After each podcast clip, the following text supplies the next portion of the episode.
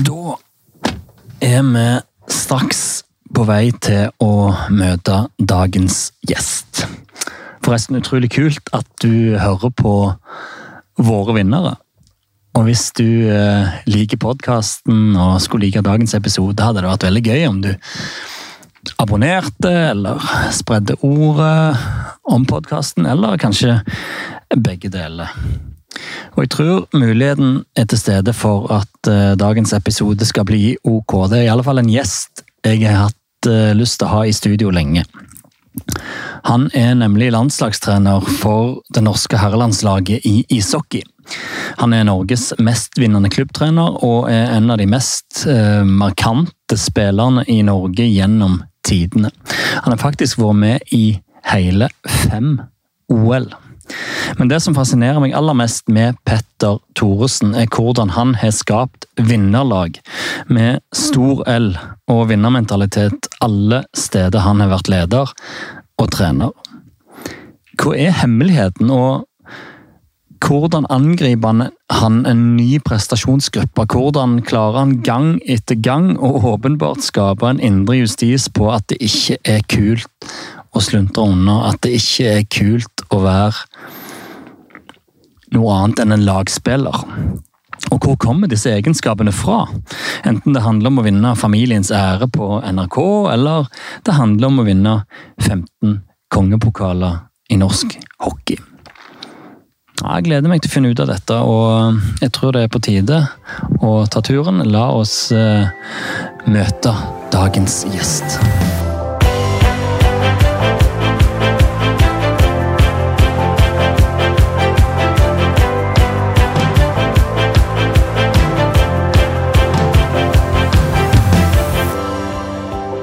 Navn. Petter Thoresen. Idrett. Ishockey.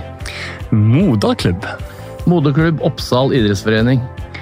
Første konkurranseminne.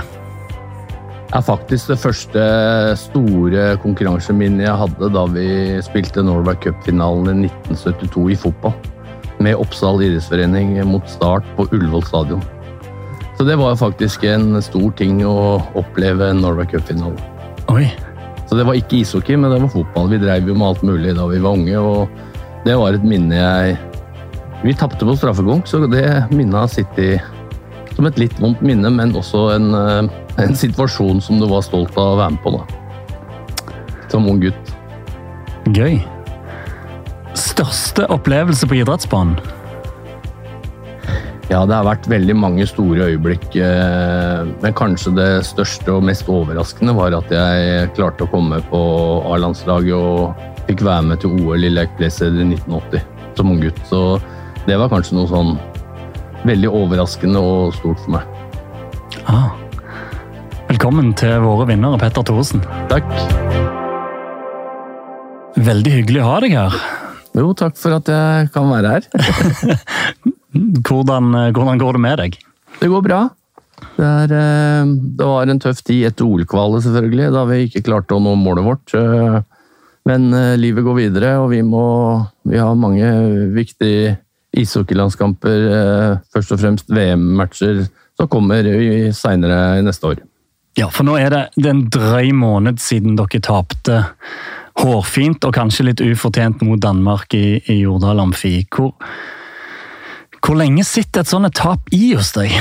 Nei, det sitter jo Det satt iallfall 14 dager litt, litt ordentlig, for eh, du vil jo du går i deg sjøl og lurer på hva jeg kunne gjort eh, annerledes for å forandre på resultattavla. Eh, hva jeg kunne gjøre, liksom. Så du går og analyserer litt og tenker gjennom det, og føler liksom med gutta som, eh, som jobba og spilte bra hele turneringa, men vi var ikke gode nok i den avgjørende kampen. Hva var det som skilte dere først og fremst fra, fra OL-plassen? Nei, det er at vi ikke skårte mål, selvfølgelig. Vi var vel så bra som Danmark i store deler av kampen, men uh, de forsvarte seg veldig bra, og vi klarte liksom ikke å få høl på dem, for da tror jeg det mentale spillet hadde kommet ordentlig med. De var jo selvutnevnte favoritter og hadde et veldig godt lag, og vi, det var en jevn kamp, men vi mangla det ene målet for å få litt ubalanse i den mentale tilstanden til Danmark. Uh, Vi skårte ikke noen mål i Powerplay. Eh, kanskje vår svakeste del av spillet nå siste åra, faktisk. Eh, så Nei, du må skåre mål for å vinne, og det klarte vi ikke den kampen. Eh, stor ære til Danmark, men, og marginene var ikke på vår side, så, så de vant vel egentlig fortjent til syvende og sist. De hadde noen frileger som de ikke skårte på, så vi jobba hardt for å klare og vi falt med hodet hevet, for å si det sånn. Ja, men i den 14-dagersperioden som du beskriver der, da er du sint? Er du lei deg? Er du skuffa? Ja. hva er det som dominerer? Nei, Jeg er iallfall ikke sint, det er jeg ikke. Men jeg er mer lei meg. liksom sånn... Eh, det er jo viktig for eh, Jeg veit hvor viktig det er for utøvere å nå måla sine. og Det er ikke så ofte vi liksom spiller om eh, en så stor ting da, som å komme til et OL. Det er veldig spesielt. og jeg vet eh, alle som var med der og, og, og jobba hardt for å komme til OL. Det svei veldig for dem, og det føler jeg litt på, selvfølgelig. Jeg ville jo selvfølgelig dit selv, men eh, først og fremst så føler jeg med gutta som har lagt ned alt det arbeidet og ville gjerne få, få en OL-turnering til. Men nå viser det seg at vi kanskje kan være med likevel. Ja, for det, Hva er det det handler om? Det er noe med Kina? Ja, det er Kina. Det ble jo ny president i Ishockeyforbundet. Han som gikk av, han har jo sittet der i 27 år, tror jeg. Så nå er det nye, nye koster der, og dem mener, mener at Kina har for dårlig produkt. Da. At eh, de er rangert som nummer 32 eller 33 i verden og syns det er rart. Syns det blir litt rart hvis de skal spille OL mot eh, alle NHL-stjerner og sånn som er. Så, men det, dem, det, ligger i deres hender, da. Vi får bare vente og se hva, hva som skjer, hvilken avgjørelse de tar. Men da er vi det høyeste rangerte laget, Norge, eh, som får den plassen da, hvis det skulle skje at de ikke er med. Så vi får bare vente og se. Vi lever litt uvissen og uvissheten, så det, det, er jo faktisk litt spennende. For det er store ting da, å få vært med et OL. Ja, det er åpenbart store ting. For det, jeg, hatt, jeg hadde jo din sønn eh, Patrick i studio, og Mats Zuccarello har uttalt det tidligere at den kampen der det norske landslaget kvalifiserte seg til Pyeongchang, det er en av de største opplevelsene de har hatt i karrieren. Og De to gutta har opplevd mye, men allikevel så står den så sterkt. Ja, det er, helt, eh, det er helt rørende å høre den historien til begge de gutta der. Jeg får litt sånn frysninger da du nevner det, for det var jo min første turnering òg, og det var veldig stort eh, og følelseslada situasjon på, foran fullsatt Jordal Amfi, gamle Jordal Amfi, og, og kvalifisere oss der. Så jeg husker Mats sa det, og jeg liksom Oi, det var det største han har vært med på, liksom. Det, eh, ja, da må vi begynne å sette pris på det vi har opplevd, vi andre òg, tenker jeg da. Ja, fy søren. Men hvorfor tror du det er så stort? Ja, jeg tror det er stort uh, av to grunner. Det å komme til et OL en gang til for uh, disse spillerne er stort. Uh, samtidig så spilte de foran venner, familie, kamerater og, og i, i, der, der de er vokst opp. Og, og, det var jo så jevnt og det var jo så spennende i alle tre kampene. Så, så at vi skulle klare til slutt, det var liksom en utløsning som gjorde at det var en fantastisk opplevelse. Ikke minst den rammen som blir på Jordal foran alle de menneskene, det var eh, Du kjente på den.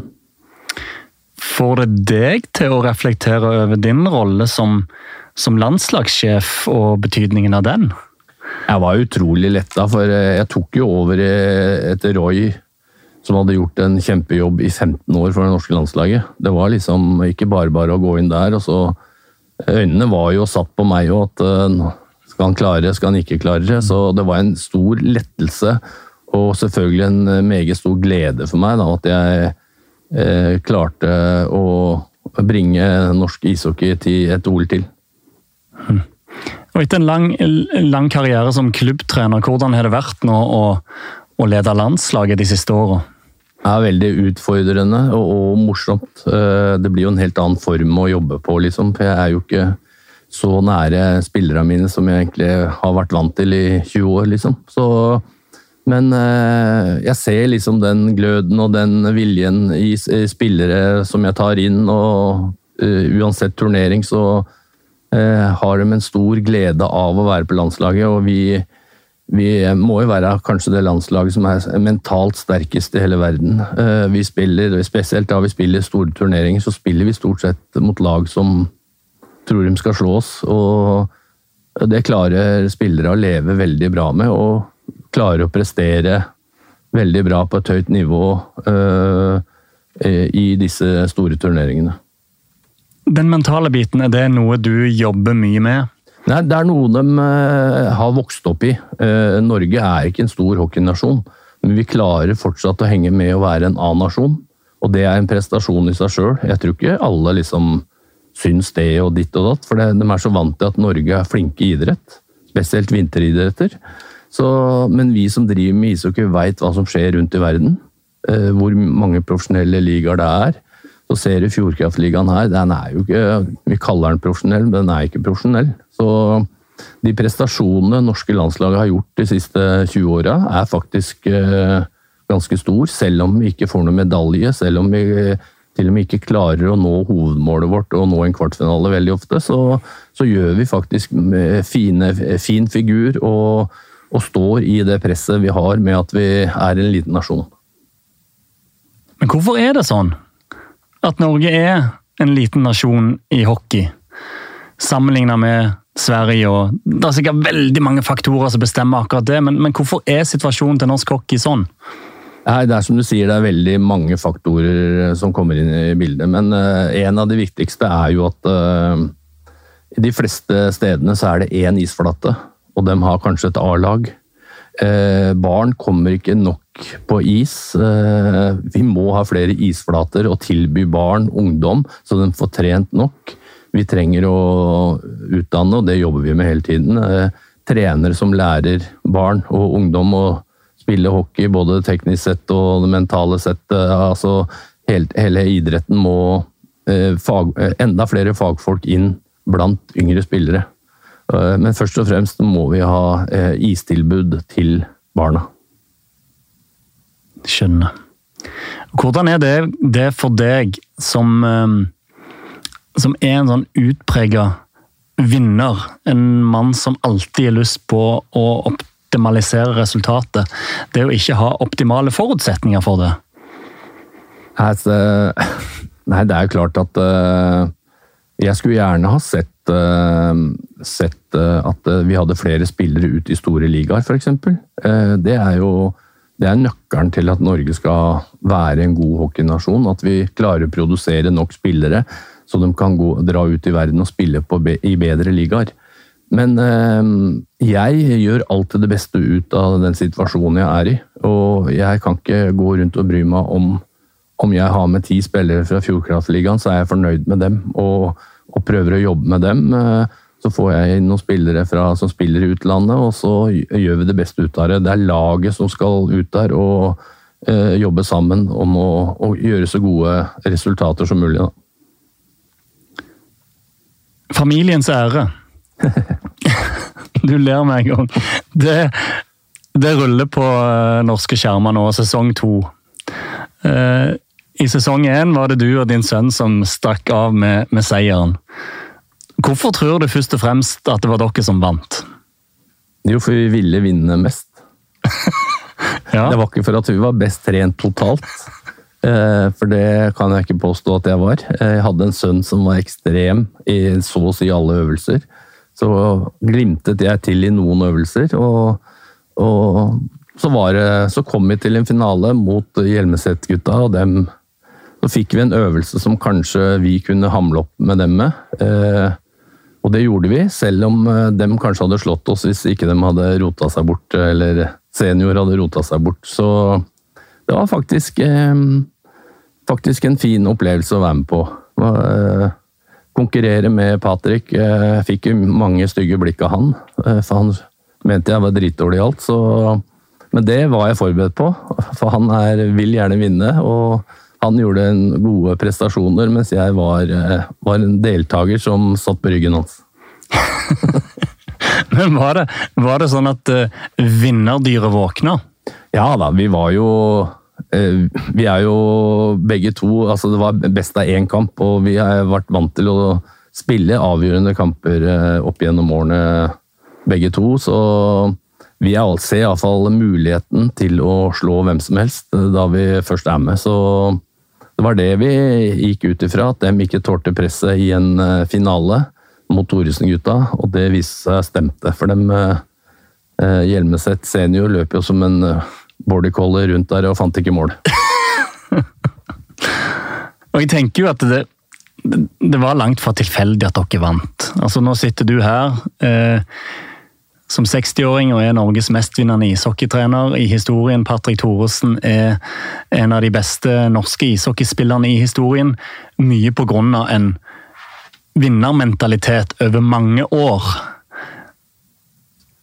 Og det jeg lurer på, Petter Thoresen, det er hvor kommer den mentaliteten først og fremst fra? Nei, det er jo Vi har jo alltid konkurrert hjemme. Jeg har alltid konkurrert. Jeg, jeg var ikke noe sånn uh, supertalent i ishockey, men jeg jobba alltid hardt. og uh, Det har alltid vært en hobby for meg, ishockey, da, spesielt da jeg var spiller. og Både Patrick og de to andre barna mine har jo sett at både mor og far alltid jobba hardt for å nå måla sine. Og det, det tror jeg de har tatt med seg i livet.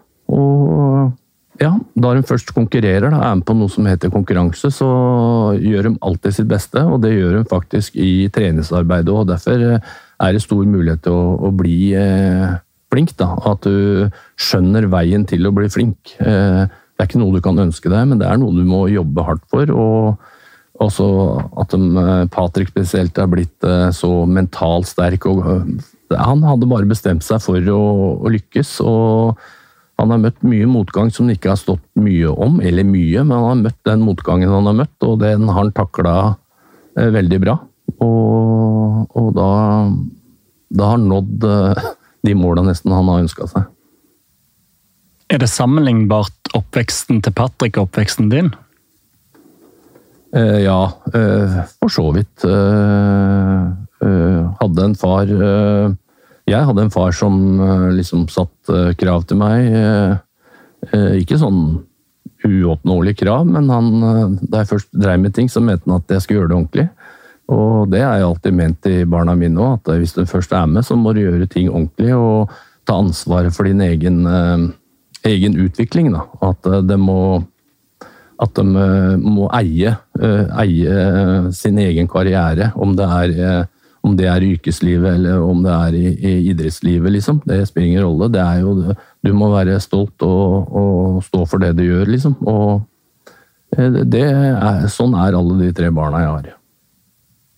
Som ikke er barn lenger, da. ja, de begynner å vokse til. Men du, du vokste opp på, i Oppsal. Mm.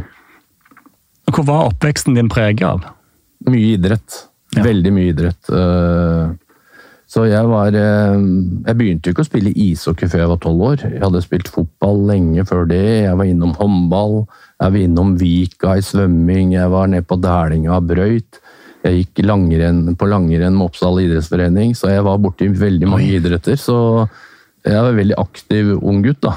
Eh, så da de andre hadde tysk på skolen, husker jeg, sto jeg ute, ute og, på, i tørkebåsen og skøyt uh, pucker. Så, så, skolen var var ikke det min sterke side, liksom. Derfor valgte jeg liksom yrkeslivet, altså håndverksyrket, som uh, veien jeg skulle gå. Da. Så, men alltid idrett i barndommen. Veldig mye idrett, og hadde veldig mye glede av å prøve mange forskjellige idretter til jeg blei 12-13 år. For Var det da du bestemte deg for at uh, du skulle gå hockeyveien? Nei, det, det, var egentlig ikke, for da begynte jeg å spille hockey som tolvåring, litt tilfeldig. For jeg var jo mye på Løkka og var med de store gutta og løp og kjøpte cola for dem i pausen og ned på skolebanen. Men, uh, men så var det helt tilfeldig at uh, Oppsal skulle spille en kretsfinale I ishockey så var det en av spillerne som hadde blitt skada, så spurte noen om jeg ville være med. Så da måtte jeg låne utstyr av noen, og det var liksom min første ishockeykamp med Og da spilte jeg sammen med litt eldre gutter òg, så det, det, det, var litt tilfeldig at jeg ble ishockeyspiller, faktisk. Var du god da? Tidlig?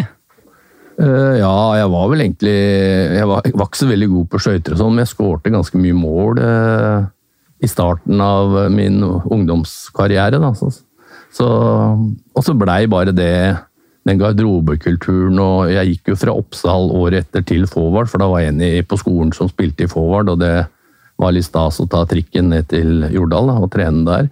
Og der møtte jeg jo Ørjan Løvdahl og Bjørn Kolsrud og, og Åge Ellingsen og Øystein Jarlsbo og dem. eh, Det var mange flinke skuespillere fra forward, da.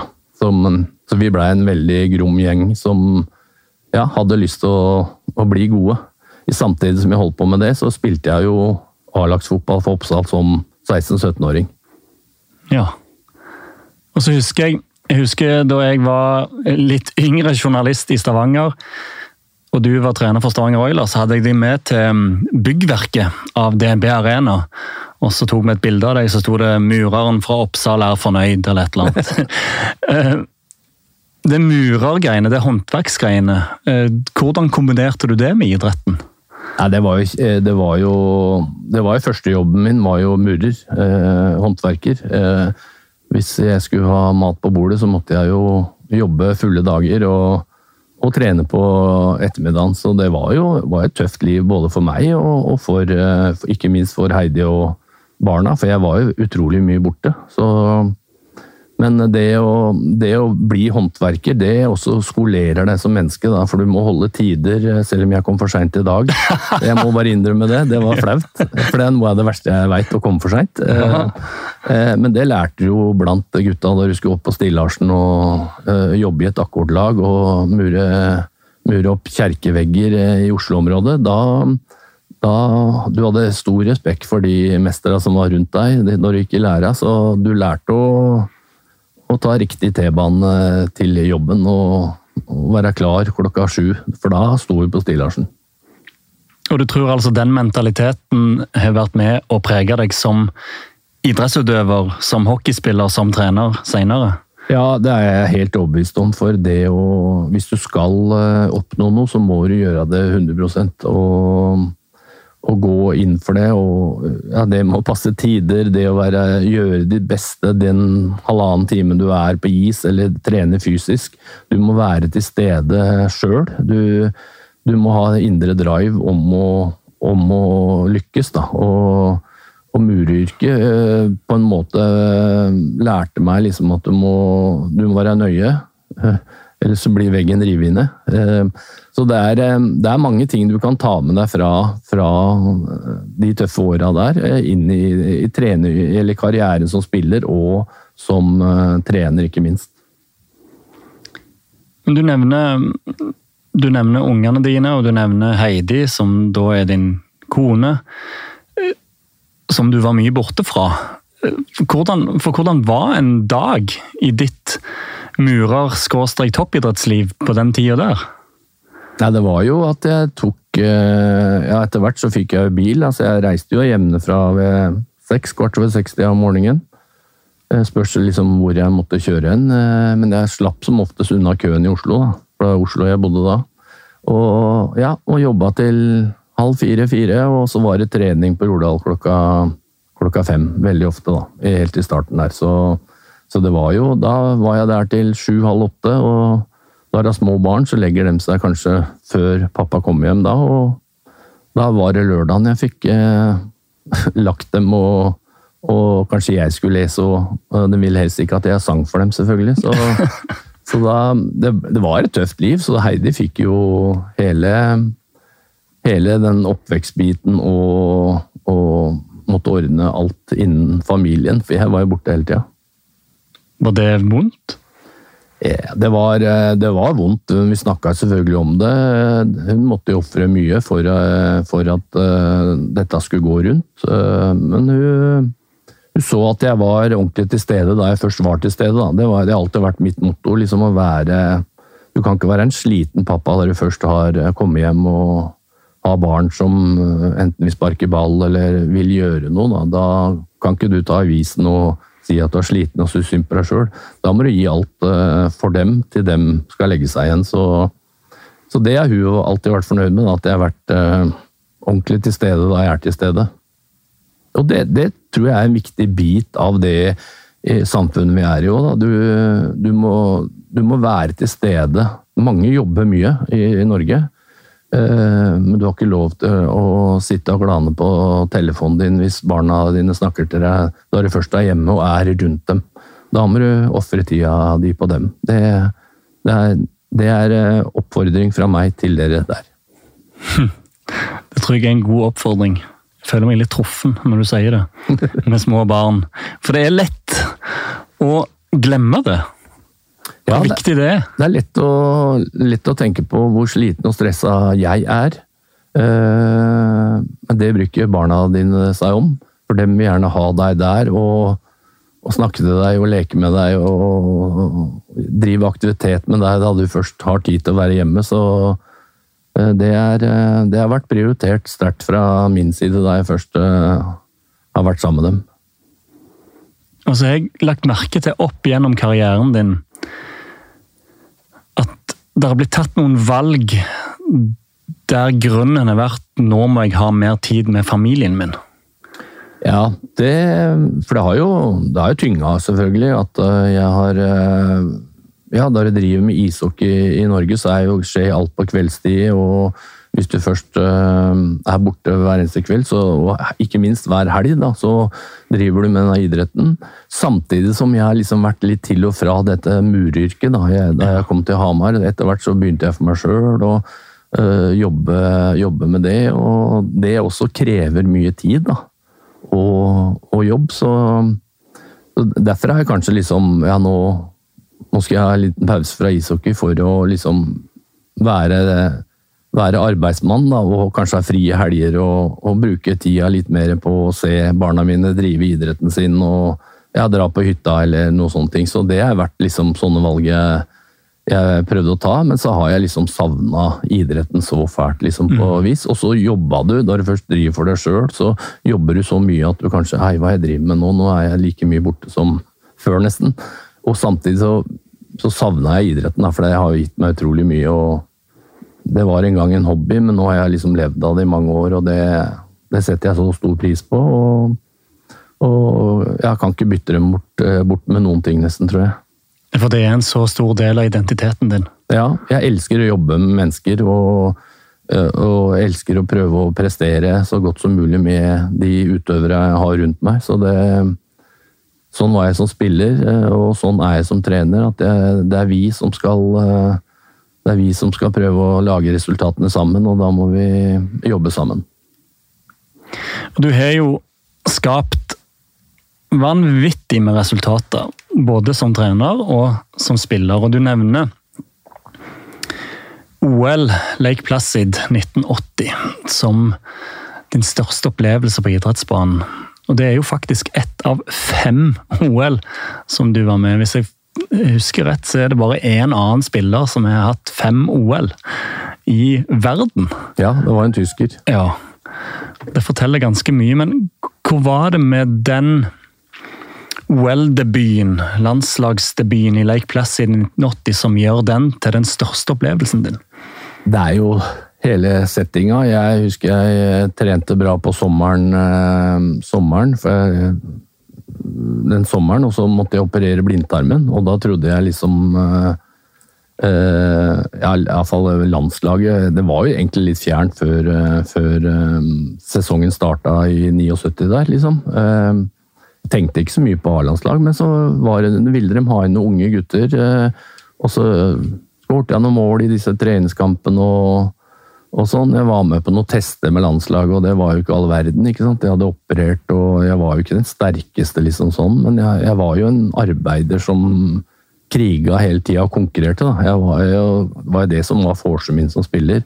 Det å konkurrere og eh, ikke tro at noe er umulig, liksom. Altså, alt er mulig for meg, liksom. Så, så det det er da jeg liksom ble tatt ut til syvende og sist. Da. Det, det er det som helheten der som gjør, eh, gjør at kanskje det var liksom Oi, eh, jeg er så flink, liksom, så kan være med landslaget til et OL. Eh, det hadde jeg bare sett på TV og fulgt med eh, gjennom TV-skjermen, så det var, det var faktisk en stor opplevelse. Vi tapte jo mye og kriga mye ned Lake Placid òg, men, eh, men bare det å være der og bli ja, kommet med i en tropp eh, blant mange gode norske ishockeyspillere i 1980, det var egentlig helheten som gjorde at det kanskje er det største, liksom. Hva er det du husker best fra det? Jeg husker veldig godt at vi spilte en trenings... Altså, det var ikke selve ordet, men vi spilte jo en treningskamp mot USA på Jordal.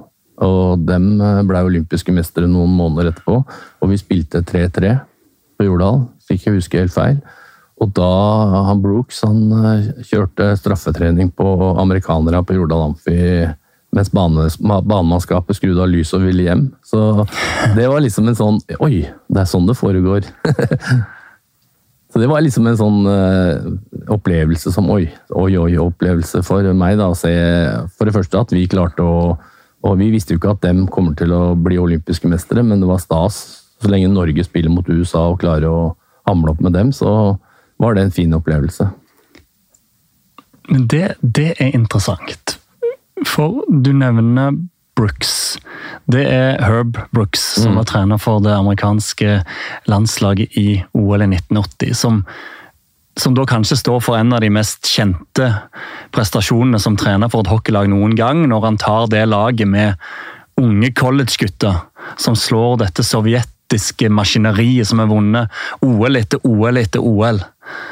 Um, og skape et kollektiv, da og du da som ung gutt ser han tar spillerne ut i straffetrening. Du drar til OL, opplever at de vinner på den måten som et lagmaskineri. Tror du det forma deg? Tror du det gjorde noe med deg?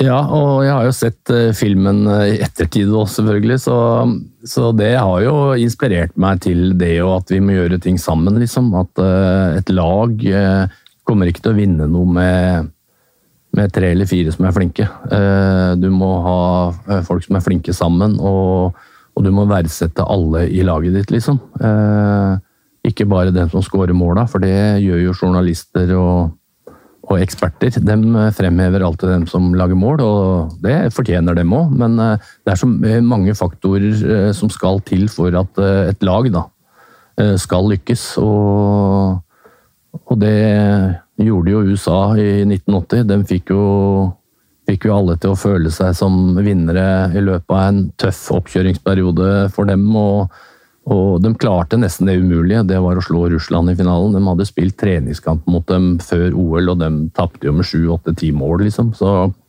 ja, det å tro at du, at du kan ta noen, det solgte han inn til de unge gutta, og de gjorde det. Og det, det, det, kjenner jeg at uh, sånn, uh, sånn, tilnærming har jeg til, uh, til som trener. Da, at vi, vi, skal gå ut der, og de har ikke vunnet før de har spilt mot oss. Og vi er ganske flinke på masse, vi òg. Og bare vi gjør ting sammen.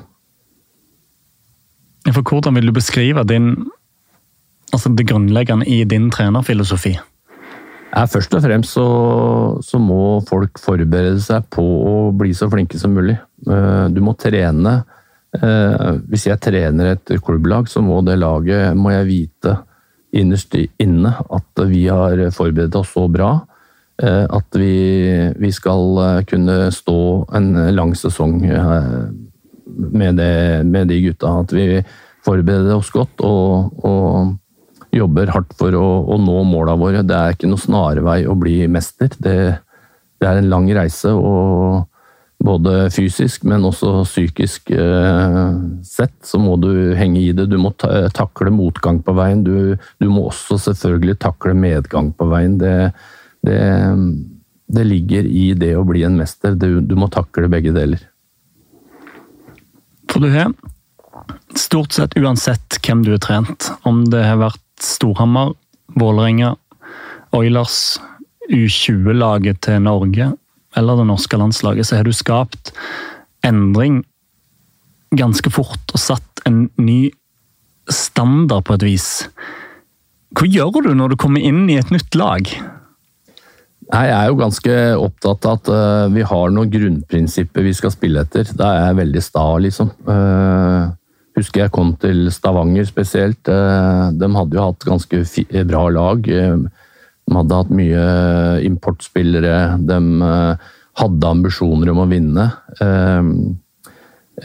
Og men jeg fulgte jo med dem siste året før jeg takka ja til å dra det dit, og det syns jeg var en stor utfordring. For jeg likte mentaliteten til klubben, at de, de ville bli best. Men de lyktes ikke helt. De var jo en finale noen år før jeg kom dit. Men jeg, jeg, på en måte så likte jeg ikke helt hvordan de framsto som lag. Da. De, jeg synes det var Det så ut som laget besto av seks-sju spillere som spilte litt for seg sjøl og ikke var nok sammenkjørt og, og ja, som jeg, som jeg så utenfra, så syns jeg det så ut som det var det var liksom en splittelse i laget. At det var noen som var hjelperyttere og var noen som skulle skinne. liksom. Og det, det holder ikke hvis du skal vinne over Vålinga på Jordal eller Storhamar i CC Amfi. Så det var det første jeg tenkte på. At vi må vi, vi, har personene her, men vi må få alle til å føle seg verdifulle i, i laget sitt. Da. For uh, jeg kjente jo mange av de norske spillerne som spilte annenfiolin året før jeg kom dit. så dem, eh, dem, var viktig for meg å få med som, eh, som eh, ledere i laget, da, for jeg visste de hadde det. Og den, den, den, reisen til Stavanger er jo spesiell, for der, der, der var det økonomi, og så var det arena på vei inn. Men de hadde ikke klart å vinne. Og så kommer du ja, de hadde økonomi, men økonomien ble kraftig nedsatt det første året jeg var der. Ja. For da var det ikke klart at eh, vi skulle, Oilers skulle få en ny hall. De gikk og venta på det. Så eh, Paul Ixton og Oilers organisasjon de rydda litt i eget rede med holdningene til spillere, og det var, de rydda litt i stallen. Så jeg er sikker på at eh, det første året jeg trente Stavanger Oilers, så kosta det laget halvparten av det som kosta året før. Ja. Men enda så går det an å vinne, da. Hvis du får alle til å føle seg verdifulle og, og sånt. Så akkurat det året der tror jeg ikke Oilers eh, sveia så veldig mye penger i forhold til det de var vant til. Uten at jeg veit det, men eh, jeg, jeg, så hva jeg hadde å jobbe med. Brukte mange spillere fra Oilers 2 det året. Det var en stor glede, det, for dem hadde jo aldri fått sjansen før. så og, og så var, lagde jeg eh, ledere ut av dem som egentlig var ledere i utgangspunktet, og som hadde de rette holdningene til å drive lagidrett. Da. Du er jo kjent for å være tøff, for å være hard, for å stille harde krav. Hvor, I hvor stor grad er det en del av deg og din treneridentitet? Å stille krav tror jeg er en selvfølge. Hvis du har lyst til å være med og ha suksess i idrett, så må, må du stille krav. Men samtidig så må du ha en balanse i det, for du må, eh, du må, du må få, få, spillerne til å ta det ansvaret selv. Selvjustisen i laget må være til stede. Det holder ikke at en trener eh, stiller krav, krav, krav hele tiden. Det må liksom være, den må bli mottatt og bearbeides eh, av gruppa. Og det, det skjedde jo i Stavanger første året òg. Jeg sto jo der og fram til jul så lå vi jo på sjette-sjuendeplass. Og gutta var liksom fortvila. De hadde aldri trent så mye. De, eh, de fikk det ikke til på isen.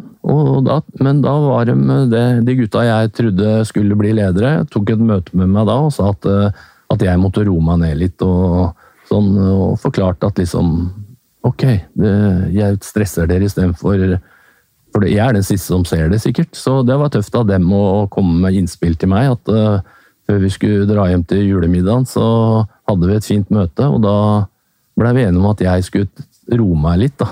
Eh, ikke liksom krav, krav, krav hele tida, men da satte jeg bare et motkrav at dem må ta mer eierskap til, til det de holdt på med. Da. At dem, kanskje vi skulle høre stemmen dems litt, ikke bare han Thoresen som skriker og rister på hodet. Så det var et veldig fint møte som gjorde at vi starta etter jul med, med med den innstillinga at jeg kanskje skulle roe meg ned, for jeg så at gutta hadde liksom lagt ned så mye arbeid. Det var aldri noe syting og klaging. De trente og spilte, men de, vi fikk ikke ut resultater, da. Og så ja, så henta vi inn kanskje to spillere ved juletider, og så bare gikk det én vei etter jul. og det, det, var kanskje det råeste mesterskapet jeg har vært på, liksom sånn sett. da, Å klare å vinne eh, finalen mot Vålerenga det året hvor vi egentlig ikke skulle vinne. Vi skulle liksom bygge opp noe inn mot uh, framtida. Hvordan er det for deg da å, å ta imot de tilbakemeldingene fra, fra spillerne? om at eh, de mener du ja, i hermetegn har leda de feil? Nei, det, det, sånn har jeg det. Jeg, har tre, jeg, var jo trener mange år før jeg kom til Stavanger, og jeg veit at jeg kan bli litt for, litt for mye liksom, noen ganger. Og jeg liker, liksom, jeg liker å gi spillere feedback, og jeg syns det er tøft hvis noen kommer til meg og tar opp på saklig nivå, at jeg også kan justere litt. Og det, det, det setter jeg bare pris på, for da syns jeg de er tøffe, liksom. og og kommer til treneren og sier at eh, hvis, vi, hvis du liksom trekker deg litt tilbake For jeg, da tenkte jeg også mye mer over det. Ok, De spiller anspent, de vil jo mye.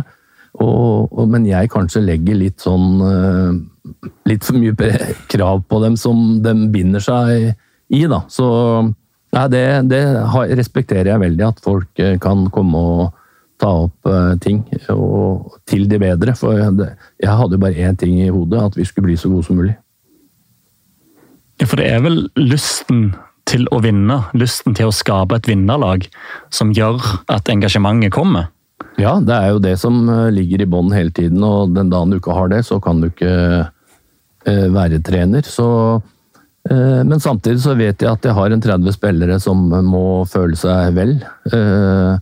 Eh, på reisa. Så derfor er det veldig viktig at eh, jeg får tilbakemeldinger eh, som jeg fikk der. Og jeg har fått det seinere òg, og det er fordi vi skal, vi skal, vi skal vinne noe til sammen, og da kan vi bestemme sammen nå. Så må vi justere situasjonen så det blir til det bedre for laget, lagets prestasjoner.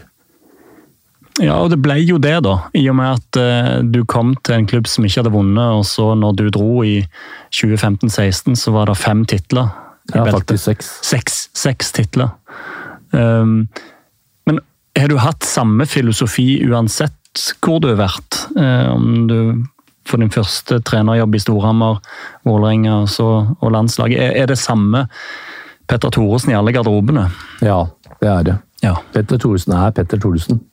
Og så, så må han øh, Han jenke seg etter troppen han har og sånne ting, men eh, hele tida så er det eh, lagorganiseringa og, og, lojaliteten til det vi holder på med, som ligger i, i, i fokus.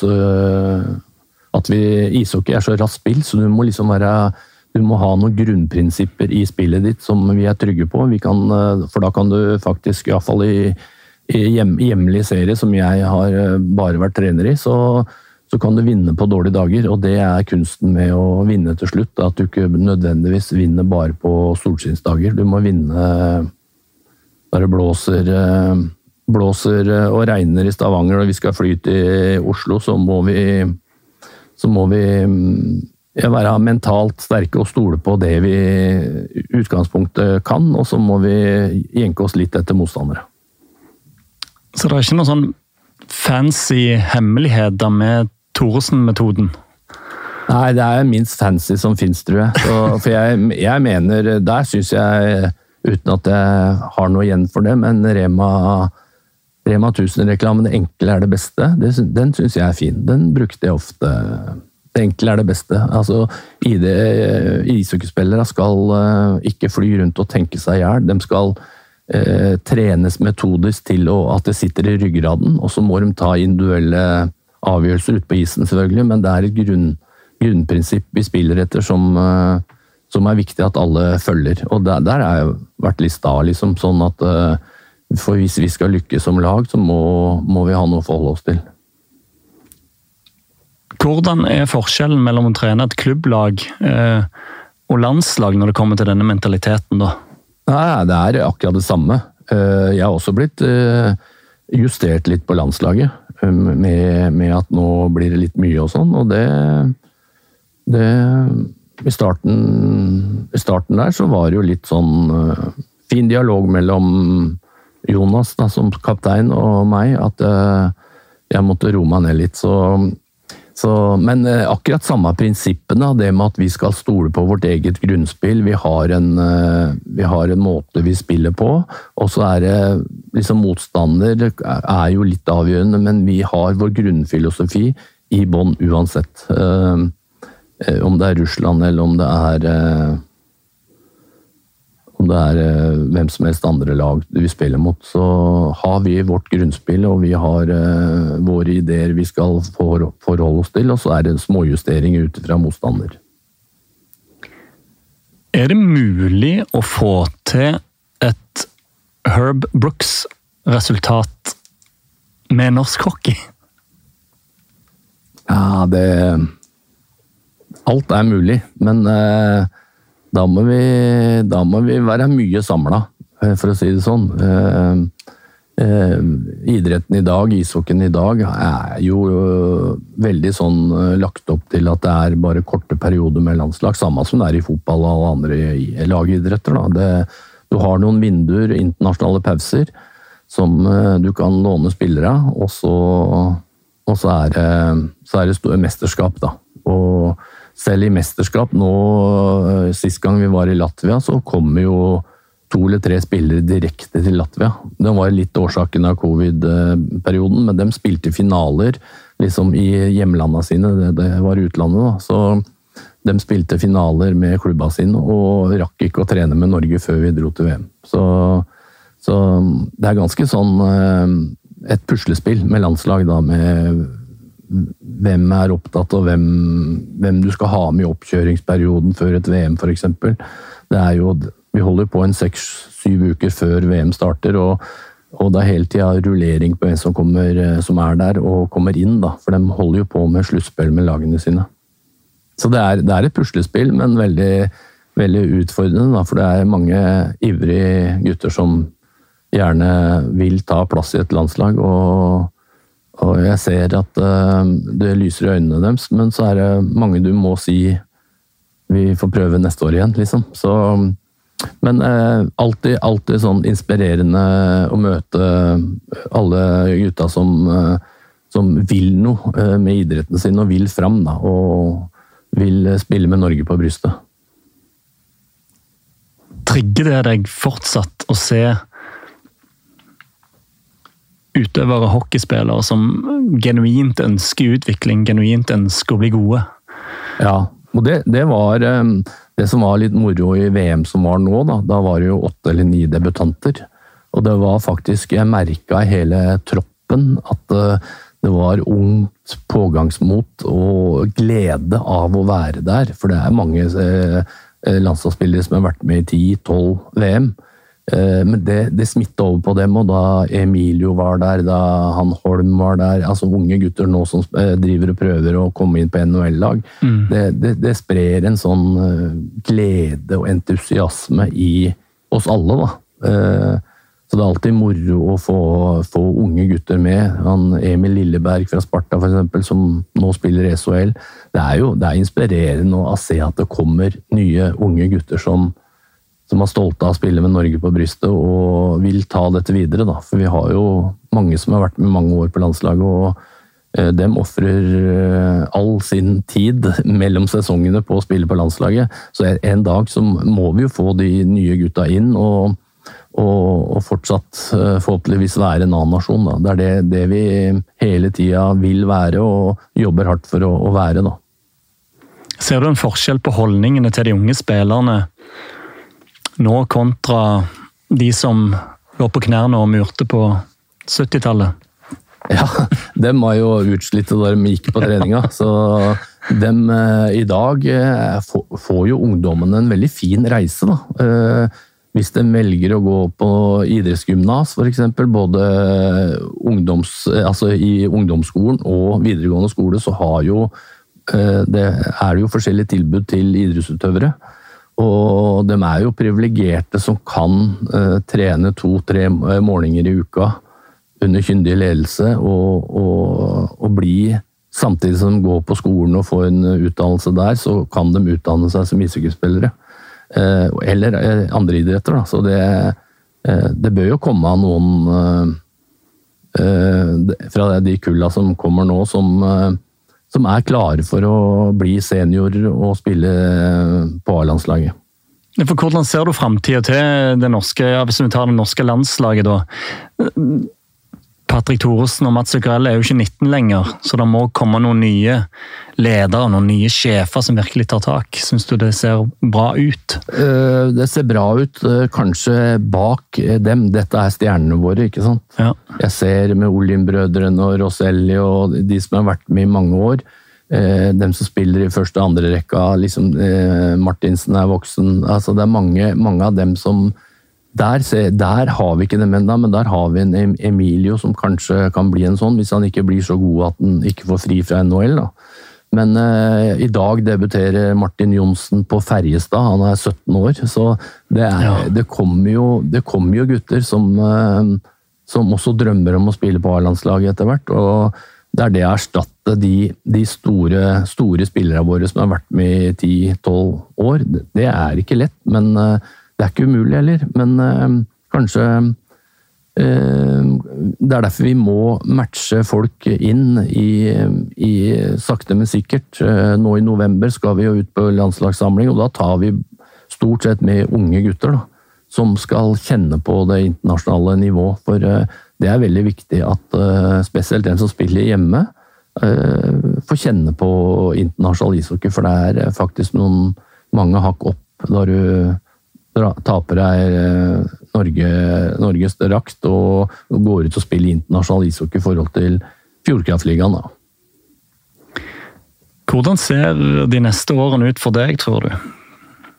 Det er mye utfordringer eh, som ligger foran oss. Eh, først og fremst er det VM eh, som er vårt store mål. og, og med, med, et for så vidt godt VM vi hadde i fjor, med mange, mange debutanter. Eh, mange sentrale spillere som ikke var med.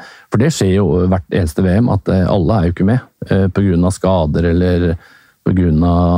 et eller annet. Så, men det å, det å, å, se, se, unge spillere slå igjennom på landslaget, det betyr jo veldig mye. Og så så hele tiden så er vi jo veldig opptatt av at vi klarer å skape våre gode nok spillere her hjemme som, som blir attraktive å spille ute i, i, i verden, da, i større ligaer. Jeg ser nå en, en spiller som eh, Markus Vikingstad, som, eh, som er Stavanger-gutt. Eh, spiller nå i tysk toppdivisjon. og og, og gjør det ålreit og er satt opp i både annen- og tredjerekka liksom der. og Det er jo bare unge gutten, så det, det kommer spillere som uh, vi må følge med på og, og prøve i, i, vår setting. Har du et mentalt kart for deg sjøl hvor lenge du ønsker å være i dette gamet? Hvor lenge du ønsker å være landslagstrener? Har du en plan for, for framtida di? Ikke en, eh, ikke en, eh, langsiktig plan. Jeg har en plan at, eh, at dette er det morsomste jeg kan gjøre. Og da, trenger jeg synes det er gøy og det gir meg mye, og, og jeg har utfordringer på veien med å, å lage, lage, så gode lag som mulig ut av det jeg har, så det, det trigger meg. Og jeg elsker å være på samling sammen med, sammen med ishockeyspillere, så jeg har ikke noen planer om at eh, jeg ikke skal drive med ishockey i noen år framover. Det er helt sikkert. Ser du for deg at du kommer til å bli klubbtrener igjen? Ja, det, det kan jeg godt fort bli. Uh, hvis, hvis, det blir, blir, sånn at landslaget vil bytte ut meg, så, så syns jeg det, det ville passe meg veldig bra. For det, det, er noe, litt av det jeg savner med å være landslagstrener. Det er liksom å møte garderoben hver dag og, og, og, og være tettere på spillerne. Eh, og forme de spillerne du har i, i klubblaget. Det, det, er mer daglig, daglig arbeid. Eh, så det er jeg egentlig sånn klar for på sikt, hvis det, hvis det må dukke opp. Ja, for du bruker 'hvis' her, og det betyr at tidsperspektivet på det er veldig uforutsigbart. Ja, det er det jo. For eh, sånn er det jo å være trener. Du, du er ikke ansatt for resten, på, på resten av livet, liksom. Går av når du er 64.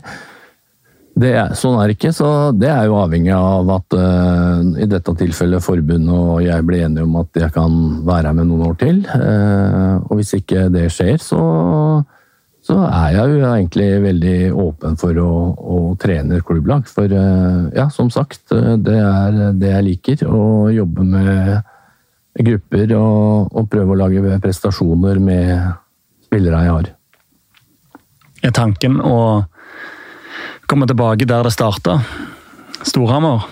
Nei, ikke, jeg har ikke noen spesifikke eh, liksom, planer om klubb eller noe sånt, men jeg har jo prøvd å bo borte fra Nå er det jo fra familien min, og det gikk jo greit, det er noen år. Uh, men jeg merka at det blei et litt sånn ensomt liv. Men, uh, men nå jeg, har jeg jo ikke så mange år igjen av yrkeskarrieren min, så selv om jeg ser at trenere er jo nærmere 70 rundt omkring i Europa, så, så det det er jo håp for, for meg òg, men Nei, eh, ikke noe spesielt eh, sånn ønske om noe som helst, men eh, jeg ønsker, ønsker sterkt å drive med ishockey i, i flere år framover.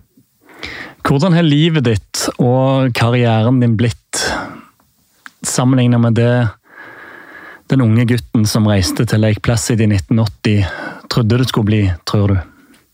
Nei, det har egentlig vært et eventyr, for det er ikke til å legge under en stol. Jeg har spilt på gode lag. Eh, jeg starta jo litt med å få min aktive karriere. Jeg var innom Hasløren, vi fikk mye juling. Jeg spilte jo forward noen år, eh, selvfølgelig. Og MS var jo første gang jeg smakte litt på Var der i tre sesonger. Smakte litt på å være med oppe der og spilte finaler, blant annet, med MS. Eh, hadde egentlig alltid en drøm om å spille for Vålerenga. Men jeg var forward-gutt, så da var fatter'n sta, du skal ikke til Vålinga. Det, det, er konkurrenten vår på Jordal. Men eh, etter tre år i MS så fikk jeg muligheten å gå til Vålinga, og hadde to eh, fine år der som spiller. Eh, kanskje der jeg lærte mest om helheten å være spiller, for jeg var jo en som skårte mye mål i Haslølen og Manglerudstad. Var ikke så veldig delaktig kanskje sånn defensivt sett. Eh, men i Vålinga så lærte jeg liksom å, å spille begge veier, og, og, det var veldig sånn konkurranseprega gruppe i alle de årene vi var der. De hadde historien med at de skulle vinne, ikke sant. Så det, det merka jeg da jeg kom til Vålinga, at det var eh, det var én ting som gjaldt, og det var å vinne. Så det forma, forma meg videre da, til å, til å bli den jeg har blitt. Uh, og så ja, hadde vært der i syv sesonger og tenkte liksom kanskje vi skal se åssen det er utafor bykjernen. Og da flytta vi til Hamar, for de hadde heller aldri vunnet før. Og da syns jeg det var en utfordring å, å, være med på det. Så, og det klarte vi etter hvert, da. Å klare å vinne på Hamar. Eh, jeg vant en gang som spiller der. og og, blei trener etter hvert i Storhamar. De ga meg tilliten mens jeg var spiller og spurte om jeg kunne ta over jobben i Storhamar. Og det kom jo veldig overraskende, selvfølgelig, men jeg var jo for så vidt på vei til å bli dårligere hockeyspiller. Eh, jeg var jo 35 år da. 4-35 år. Så ja. Så da hoppa jeg på den Jeg sa ja takk til det, den tilliten de ga meg da. Vi hadde jo veldig godt lag, så jeg gikk jo inn i garderoben og lurte på om det var greit om jeg kunne være treneren deres. faktisk, For de var jo like gamle som meg, mange ja. av dem som satt der. Erik Kristiansen og Peter Maddak og Salsten og Ole Eskil og alle gutta. Så de ble enige med at det var ålreit. Det er samme om du skreik og kjefta som spiller eller som trener, mente de. Men da må du åpenbart ha hatt en respekt, da, når du kunne gå inn og ta den rollen såpass raskt. Og igjen vinne første sesongen som trener. Ja, hadde jo, vi hadde jo veldig godt lag, som sagt. Og det har vært litt, eh, litt av min karriere som trener òg. Jeg har vært heldig som har eh, vært i lag som egentlig hele tida har eh, ambisjoner om å vinne. Og det, det trigger jo meg òg. At klubben liksom vil fram, og de vil konkurrere og legge alle lag bak seg.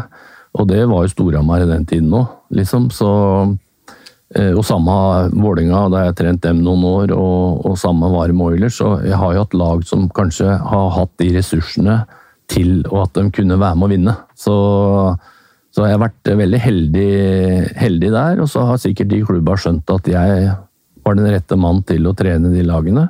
For det er ikke bare å trene et vinnerlag heller. Så, Så det har vært en, eh, en reise som du ikke engang drømte om da du blei trener første gang. Det virker Petter Thoresen som det er summen av veldig mye som har gjort deg til den du er. Både med oppvekst og familie og ulik dynamikk i ulike klubber, som i sum har skapt den filosofien som er Petter Thoresen sin enkle, men allikevel geniale filosofi. da. Til slutt, hva tenker du er hva er den viktigste erfaringen livet har gitt deg? Nei, Den viktigste erfaringen er at du må, må legge ned mye arbeid for å oppnå store ting. Da. Det, det, er mange som sikkert har eh, drømmer, men drømmer må også jobbes gjennom. Altså, du må gå stegene for å oppnå suksess. da oppnå din suksess, hvis, uansett hva du vil her i livet, så må du legge ned ganske mye arbeid da, for å, å få suksess. Det er veldig få mennesker som uh, bare får suksessen kastende over seg for at de har drømt om det eller eh, ønska seg det. Uh, du må jobbe hardt for å, å, for å komme fram, og du må være lojal til det du holder på med. Du må stole på deg selv. Du må være Du, du, du må eie din vei til suksess, uansett hva det er. Da. Du, du, kan ikke, du kan ikke stole på noen andre utafor. De kan hjelpe deg på veien, men du, innerst inne så er det du som eier, eier veien til målet. Men lar det bli siste kloke, konkluderende ord. Tusen takk, Petter Thoresen. Tusen takk.